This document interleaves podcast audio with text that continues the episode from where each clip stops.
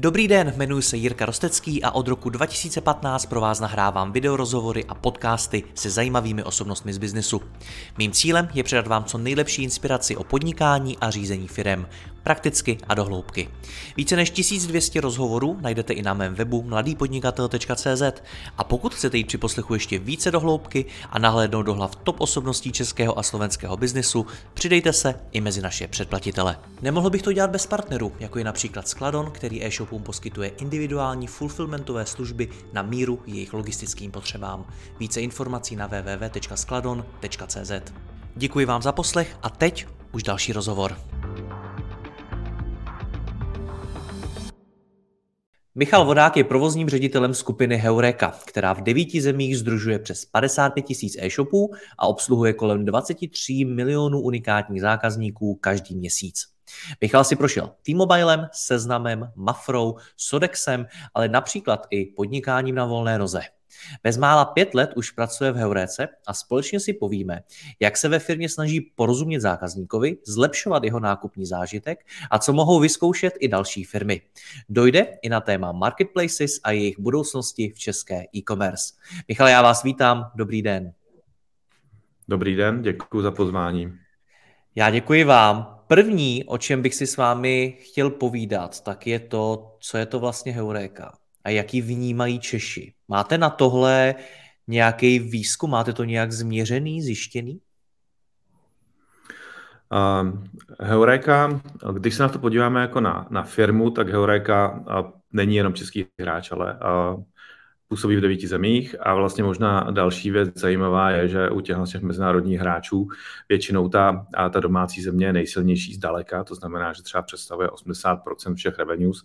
V případě Heuréky je to taky nejsilnější země, ale, ale řekněme na těch revenues se podílí 50%, to znamená ty ostatní trhy, zejména Slovensko a Maďarsko jsou velice silné. Možná bych tomu ještě doplnil, že uh, Jedna věc jsou, jsou revenues jako takové a potom samozřejmě je důležitý, na kolika transakcí se Heureka jako taková podílí, protože to z těch revenues není úplně vidět, ale máme dopočítané, že jsme zodpovědní v tom našem regionu zhruba za, za objem e-commerce prodejů v hodnotě 2 miliard euro. A co se týká vnímání zákazníků, tak to je, to, to je zajímavá věc, abych se vrátil k té původní otázce zákazníci Heuréku vnímají velice pozitivně, protože je to vlastně služba, která jim přináší extrémní přidanou hodnotu bezplatně, což je něco, co, co samozřejmě všichni oceňují. A ta přidaná hodnota spočívá zejména v tom, že Heureka pro ně združuje celý trh. Oni to tak vnímají, že, že nemusí se dívat do jednotlivých e-shopů jaké jsou kde produkty, jaké jsou kde ceny. A všechno to najdou na jednom místě přehledně, protože ehm, my jim poskytujeme i nějakou jakoby kategorizaci, máme svůj vlastní produktový strom, na který navazujeme jednotlivé nabídky, takže ty lidi se v tom naučili lehce orientovat a je to pro ně super přidaná hodnota. Takže se nejedná jenom o hmm. cenové srovnání, ale vlastně nějaké rádcovství. To, to přesně tě tím směrem mířila ta moje otázka. Jestli když se zeptáte vašeho zákazníka, co pro tebe znamená Heureka, jestli vám odpoví, ale pro mě je to místo, kde najdu tu nejlevnější cenu, nebo je to pro mě místo, kde najdu nějaký další informace, nebo co je to hlavní, proč lidé používají Heureku? My si děláme vlastně s, s externím dodavatelem, s Kantarem, který je nějakou jako zá, zárukou toho, že ty data sedí, průzkum, brand tracking, heuréky a jedna z těch věcí jsou právě atributy té značky. To znamená to, proč ji používají. A ty tři nejsilnější jsou porovnání produktů, cenové srovnání a, a recenze. Hmm. Takže mnohokrát jsem se setkal s tím názorem, že Heureka je prostě to místo, kam jdete, když chcete zjistit, kde se dá to konkrétní zboží koupit nejlevněji. Tak když řeknu, že mhm. tohle je Heureka, tohle je to hlavní, proč lidé používají Heureku, tak to není pravda? Je to jedna z, ze tří věcí, proč lidé hlavně používají Heureku. Hmm. A taková ta, ta nálepka toho cenového srovnávače s námi asi uh, bude ještě dlouhou dobu ale my už se vidíme spíš eh, v té, v té oblasti eh, širšího poradenství. To znamená, že když se podíváme na nějaký um, shopping funnel, třeba STDC, tak, tak See Think Do Care, tak vlastně z té fáze Do, to znamená toho přímého nákupu, my se snažíme ještě dostat do fáze Think, to znamená nějakého advisory.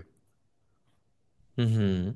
Tohle je něco, co u vás vzniká skutečně strategicky, nebo vám třeba z těch, průzkumů mezi zákazníky vypadlo něco, co vás překvapilo, že jste si řekli něco ve smyslu, hele, oni tu heuréku vlastně používají i jiným způsobem, než jsme možná původně zamýšleli.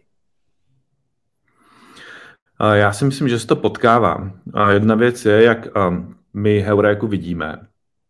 A on, on z té, z té nákupní fáze, z té důfáze přirozený vlastně posun do nějaké vedlejší kategorie. A ta inspirační fáze je zajímavá, protože tam dochází k nějakému většímu navázání kontaktu se zákazníkem a um, a dá se říct, že je to fáze, která předchází tomu nákupu. To znamená, že je dobrý mít silnou pozici v téhle fázi. A samozřejmě Heureka byla postavená na nějakých pilířích a jedním z těch pilířů je třeba systém ověřeno zákazníky, to znamená sběr zákaznických recenzí. A tohle je nějaká věc, která hodně ovlivňuje právě i tu advisory fázi, protože on se to pod, promítá do hodnocení produktů, to znamená, že ten člověk se nedívá jenom na cenu, ale i na to, jak ten produkt je hodnocený ostatními uživateli, jak je kvalitní, jaký s ním mají zkušenosti a pomáhá mu to samozřejmě při výběru. A my tam potom hmm. doplňujeme i další věci, které uh, souvisí s výběrem, to znamená třeba naše nákupní ráce, to znamená průvodce danou kategorii, průvodce uh, novými produkty na trhu a vůbec způsob, jak vybírat, na co se dívat a tyhle věci. Hmm. Ta váha má dvě misky, my jsme se teď bavili o těch zákaznících, jak vás vnímají oni, jak vás vnímají ti prodejci, e-shopy a další firmy. To je, to je zajímavá otázka. Je to takový, bych řekl, hm, vztah, který je založený na tom, že se potřebujeme navzájem a zase na druhou stranu ty prodejci říkají, dobře, tak ta, ta služba jako Heureka není placená pro uživatele, ale je placená z hlediska ze strany e-shopů, to znamená hledej v tom tu přidanou hodnotu, která v současnosti je v několika oblastech. Jedna z nich je samozřejmě to, že jsme pro ně zajímavým zdrojem návštěvnosti, stejně jako ostatní hráči na trhu, to znamená třeba Google, Facebook a tak dále. A na druhou stranu jsme vlastně pro ně i nějakým, nějakou zárukou um, jejich kvality. To znamená, ten program ověřeného zákazníky se nezaměřuje jenom na produkty, ale i na ty, uh, i na ty e-shopy. To znamená, že vlastně um, to, jestli ten e-shop je kvalitní nebo není, což uh, dřív bylo st- samozřejmě strašně důležitý, ale ono je to pořád důležitý a v budoucnu taky bude, uh, tak, tak ten garant vlastně toho, uh, jestli od toho e-shopu nakoupit nebo nenakoupit, to je právě Heureka. To jsou ty pozitivní věci a samozřejmě na druhou stranu ta negativní věc pro e-shopy je to, že ta služba je placená. To znamená, Heureka musí z něčeho žít a pokud je to služba, která je zdarma pro uživatele, tak samozřejmě není zdarma pro, pro e-shopy. A, v okamžiku, kdy něco, něco není zdarma, tak samozřejmě ten, ten pohled na tu placenou službu je už potom samozřejmě daleko kritičtější, to znamená, i ty e-shopy jsou k nám jako relativně kritické jsem rád, že jste to i sám zmínil, že jste fair, řekl jste nejenom ty eh, pozitivní věci, ale i ty negativní. Když se díváte do toho feedbacku, tak eh, od těch prodejců, tak eh, na co si stěžují nejvíc? Co, co jsou ty největší negativa, které vám vyčítají? No, když jsme začali s tou, uh, s tou férovostí, tak musím zcela objektivně říct, že je to samozřejmě cena, kterou za Heureku platí. A, ale musím zase uh, rovnou dodat, že, že e-shopy, obzvlášť ty menší, někdy nejsou s, schopní si pořádně tu cenu spočítat. Další věc je potom ještě atribuce, to znamená zodpovědnost za prodej. A my vidíme, že uh, Heureka opravdu i velkým uh, hráčům, nejenom z řad e-shopů, ale i z řad značek, vychází jako ten klíčový hráč v e-commerce, co se týká rozhodování zákazníků. To znamená správně, správné doměřování heuréky a jeho vlivu vlastně na prodeje. To je podle mě zásadní pro to, aby jsme si řekli, jako jestli tenhle ten zdroj návštěvnosti je, je drahý, moc drahý nebo adekvátně drahý. A když se díváme třeba na porovnání s Googlem, tak tam vycházíme dobře. To znamená, že ta, ten trafik, návštěvnost od nás má vyšší afinitu, to znamená, je víc připravená ke koupi než třeba z Google a zároveň ty naše ceny nejsou vyšší než u Google. To znamená, že si myslíme, že jsme adekvátně nacenění. Hmm. Kdyby dneska Heureka zmizela z český e-commerce, co by se stalo? To je zajímavá otázka. My jsme přemýšleli, my jsme přemýšleli uh, já možná začnu v minulosti, že jsme přemýšleli nad tím, co by se stalo s českou e-commerce, kdyby tady Heureka nebyla. A, a to, co vidíme na, na trzích, kde působíme, to znamená tam, kde nějaký jakoby cenový srovnávač, srovnávač nákupní ráce byl od začátku, tak vidíme to, že ty trhy jsou zásadně fragmentované. Ve srovnání třeba s, s jinými zeměmi, kde taková situace není, kde ten cenový srovnávač třeba nebyl byl ze začátku, protože to samozřejmě byla služba, která se objevila na výstrzích, ale nebyl v tak silné pozici, jako Heureka a její platformy, tak ta fragmentace je daleko menší. To znamená, třeba když se podíváme na Německo nebo Itálii nebo Francii, tam jsou dominantní velké e-shopy, velké marketplacy, než to v tom našem regionu, to je snad poslední nějaký větší region eh, na, na celé zemi, kde ta fragmentace je opravdu eh, strašně veliká. No a my víme, že eh, v okamžiku, kdy je nějaký silný e-commerce hráč, tak to není samozřejmě problém jenom pro, pro, pro shopy, to znamená, že se tam ztrácí ta diverzita, ale samozřejmě je to problém třeba i pro Google nebo pro Facebook, protože všechny ty produktové vyhledávání se přesouvají na tohle z toho dominantního hráče. A někde jsem slyšel hranici 40% podíl na trhu, což v, v našich zemích se tam v zásadně ani neblížíme, s výjimkou Rumunska teda, kde je velice silný EMAC, tak tam se ani prostě neblížíme. A myslím si, že tohle je jedna z těch, z těch jeden z těch dopadů toho, že tady je vlastně Heureka a, a další platformy, jako jsme my, a který se starají právě o tu rozmanitost toho trhu. Protože když se nad tím zamyslíte, tak um, to je, je to v celku jednoduchý. Ty, ty lidi prostě potřebují věřit uh, tomu, že, že když si to někde objednám, ten produkt, takže mi to opravdu dojde, když to nedojde, nebo to bude nějaký poškozený, takže budu mít na koho se obrátit. A tím, jak je vlastně e-commerce fragmentovaný a tím, jak vlastně internet vznikal, tak, tak tu důvěru garantují buď velké značky, kterým věřím, že si nechtějí poškodit své jméno, anebo to musí garantovat nějaký prostředník. A to vlastně od začátku byla Heureka. A, a takže tohle je si myslím ten dopad, který, který na ten trh máme. A kdyby teď Heureka tady nebyla, zase abych se vrátil k vaší otázce, Myslím si, že, že eh, spíš z hlediska uživatelů eh, by to byl zásadní problém, protože uživatelé, tak jak my si děláme hodně právě výzkumů, tak pro ně je to služba s velkou přidanou hodnotou a, a myslím si, že, že by něco takového hodně chybělo. Mm-hmm. A to, to, to říkám uh, hodně, hodně i sebekriticky, není to, není to moc jako uh, já nevidím to jako namyšlenost, je to opravdu, jsou to slova, slova našich uživatelů. Ptali jsme se přímo na tuhle otázku, co byste dělali, kdyby tady vlastně tahle služba nebyla na vašem trhu. Neříkám konkrétně Heureka, protože v Maďarsku nebo na jiných zemích se jmenujeme jinak. A, a oni právě říkali, byl by to vlastně velký problém, nedokážu si to představit, protože by mi to hrozně stížilo orientaci na tom trhu. Protože uh, takhle je to pro mě jednoduchý, šetřím čas, jsem si jistý, že, um, že jsem neminul žádnou dobrou nabídku, protože když se nad tím zamyslíte, 55 tisíc e-shopů s námi spolupracuje v celém regionu a kdyby ten, ten uživatel není schopný tohle obsáhnout ani náhodou, to znamená ten jeho research vždycky by měl nějaké trhliny. A když, když se podíváte i trošku z, z teoretického hlediska na, na, na strachy, které ten člověk v dnešní době má, tak jsou tam v podstatě dvě, dvě věci, které, které silně vidíme. A to je to, že ta, ta nabídka je příliš velká. To znamená, nejsem schopný jako člověk to obsáhnout a vlastně z toho nemám radost, protože, protože těch možností výběru je strašně moc. A ta druhá možnost, nebo ta druhý, ten druhý strach je, tomu se dokonce říká fear of missing out, FOMO, to znamená, mm-hmm. že tam někde je nějaká lepší nabídka, kterou já jsem neviděl a já to zjistím až po tom nákupu. To znamená, zkazí mi to i tu radost z toho, z toho nákupu, i když třeba nějaký discovery dělám. To znamená, že to jsou věci, které um, jsou, jsou vyloženě teoreticky podložený, že, že lidi těma, těmahle strachama a, trpí při nakupování a my tyhle strachy odbouráváme, protože jim ten a, proces toho rozhodování a nakupování strašně z, zjednodušujeme. A pořád tam ještě vlastně a, i ta, a, to hodnocení těch e-shopů, protože těch e-shopů je pořád strašně hodně a, a ty lidi potřebují nějakou autoritu, které by mohli věřit. A myslím si, že tohle je velká přidaná hodnota, se kdybych se vrátil k těm e-shopům, kterou dáváme hmm. zpátky. To znamená, že, že ty lidi se od nich nebojí nakupovat. Já to je tu otázku, co by se stalo, kdybyste tu nebyli, mám docela rád a pochopil jsem z toho, že vy jste se úplně stejnou otázkou jeden čas zabývali hodně, nebo tak nějak jsem, jsem to cítil z té vaší odpovědi, že to byla otázka, která byla v nějaký čas na stole. Co vás k ní přivedlo? Bylo, bylo to třeba něco konkrétního? A ne, ne, ne. A já možná ještě řeknu jednu věc.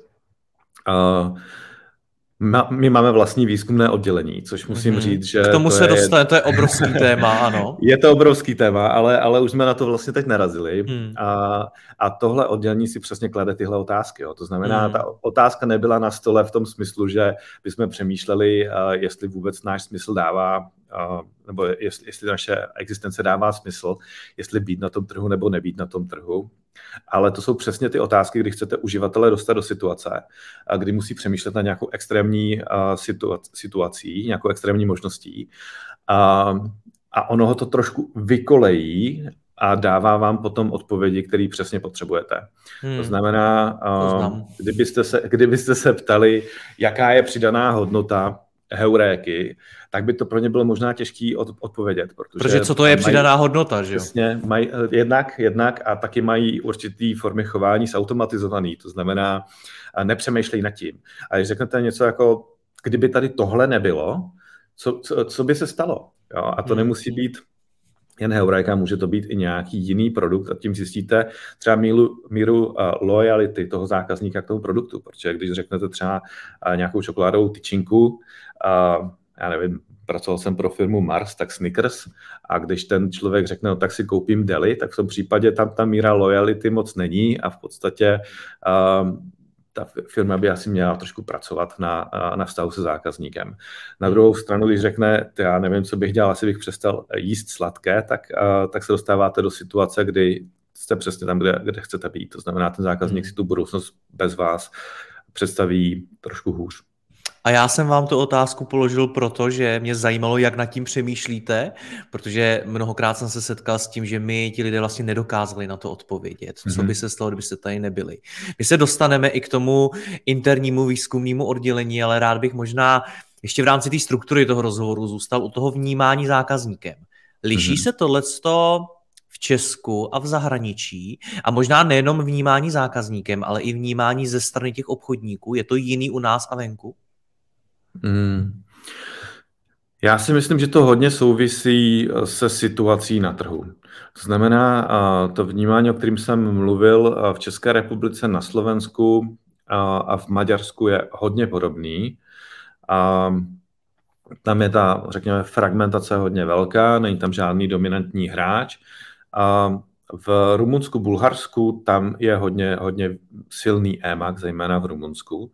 A, a tam už naše služby, řekněme, jsou spíš jakoby doplňkový. To znamená, když si nejsem jistý, jestli ten způsob nakupování, který, který uh, mám, to znamená pravděpodobně EMAC, který má 50-60% trhu v Rumunsku z našich dat, tak, uh, tak jestli se mám nějakou pochybnost, to znamená třeba ta cena se mi úplně nezdá, tak se jdu podívat na nějaké cenové srovnávače. A tam je, tam je ta naše role, to znamená, říkáme, ten zbytek trhu, kromě e-magu, vypadá takhle, to znamená, můžeš to nějakým způsobem jednoduše uh, porovnat, ale není to už o, to, že bychom, o tom, že bychom byli přirozenou součástí uh, nákupního rozhodování těch lidí a spíš se to posouvá z mýho pohledu do role právě cenového srovnávače zbytku toho trhu, pokud si, si, si, si ty lidi nakupující chtějí něco ověřit.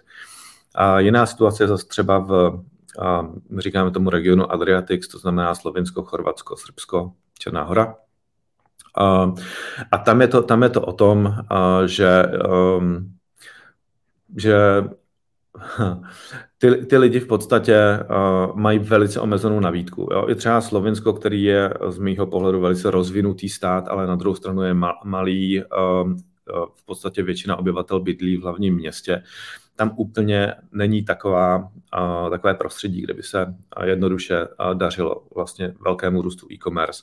To znamená, tam zase ta přidaná hodnota je relativně malá, je tam menší množství nabídek na trhu, to znamená, že ten efekt toho, toho agregace toho trhu je také menší a tam nás zase lidé spíš než uh, cenový srovnávač nákupní rádce vnímají vlastně jako e-shop, protože tam těch nabídek třeba tolik není. Jo. A to je zase hmm. nějaká naše strategie a cesta tam ty nabídky dostat. A zase Takže... nějaká trošku jiná situace v Rumunsku, Bulharsku, jak jsem o tom mluvil. Jinými slovy, tu největší přidanou hodnotu máte tam, kde je ten trh nejvíce fragmentovaný, kde je velká koncentrace prodejců, obchodníků. A je to trošku právě slepice vejce problém, to znamená, my se o tu fragmentaci v podstatě zasluhujeme od začátku a na druhou stranu tam máme největší přidanou hodnotu. Mm-hmm. A do toho je ta diskuze, že do budoucna to tak vůbec nemusí mít, že, do, že se rozevírají nůžky mezi těmi velkými a malými obchodníky a že malý e-shopy do budoucna taky vůbec nemusí existovat a budou hlavně ti velcí hráči, ti velcí hegemoni a tak. Když to je to heuréce posloucháte a může to být uh, hudba budoucnosti pěti, deseti, já nevím kolika, kolika let, pokud to tak bude. Co to pro vás znamená? Um, my samozřejmě vidíme, že, že trhy v našem regionu jsou extrémně fragmentované. A to, co vidíme v ostatních oblastech, je nějaká koncentrace těch trhů. A, a musíme počítat i s možností, že to stane tady, samozřejmě. Je otázka, co to, co to bude pro ten trh znamenat. Jo. A z mého pohledu je to vlastně o tom, že a tím se dostáváme k dalšímu tématu, trošku marketplacy. Mm-hmm. A je to o tom, že ta koncentrace trhu pravděpodobně tady nenastala, protože tady ještě není silná pozice marketplaceů. Ale v okamžiku, kdy sem marketplacy přijdou, a je to vlastně celosvětový trend, to znamená, nedá se předpokládat, že by sem tahle tendence nedorazila, tak začne ten trh nějakým způsobem agregovat. A my předpokládáme, že v tom okamžiku ta naše role se trošku změní a bude to o tom, že právě těm středním a malým subjektům umožníme, umožníme být rovnocennými partnery těch velkých nebo soupeři těch velkých hráčů, kteří sem přijdou. Mm-hmm. Co tedy očekáváte? Protože v rámci přípravy na ten rozhovor jste mi řekl, já jsem si tu větu poznamenal, situace v Česku se brzy hodně změní. Tak co očekáváte, že se stane? To jsem byl možná uh, trošku... Uh... Děkuji, že posloucháte tento rozhovor. Jeho zbytek je určený exkluzivně pro naše předplatitele, kteří si mohou poslechnout i celou řadu dalších top osobností českého a slovenského biznesu. V poslechu můžete pokračovat během chvíle na mladýpodnikatel.cz lomeno předplatné. Zakoupením předplatného navíc podpoříte i moji práci a budu tak moci tvořit další rozhovory a inspiraci pro vaše podnikání a vaši kariéru. Děkuji vám, Jirka Rostecký.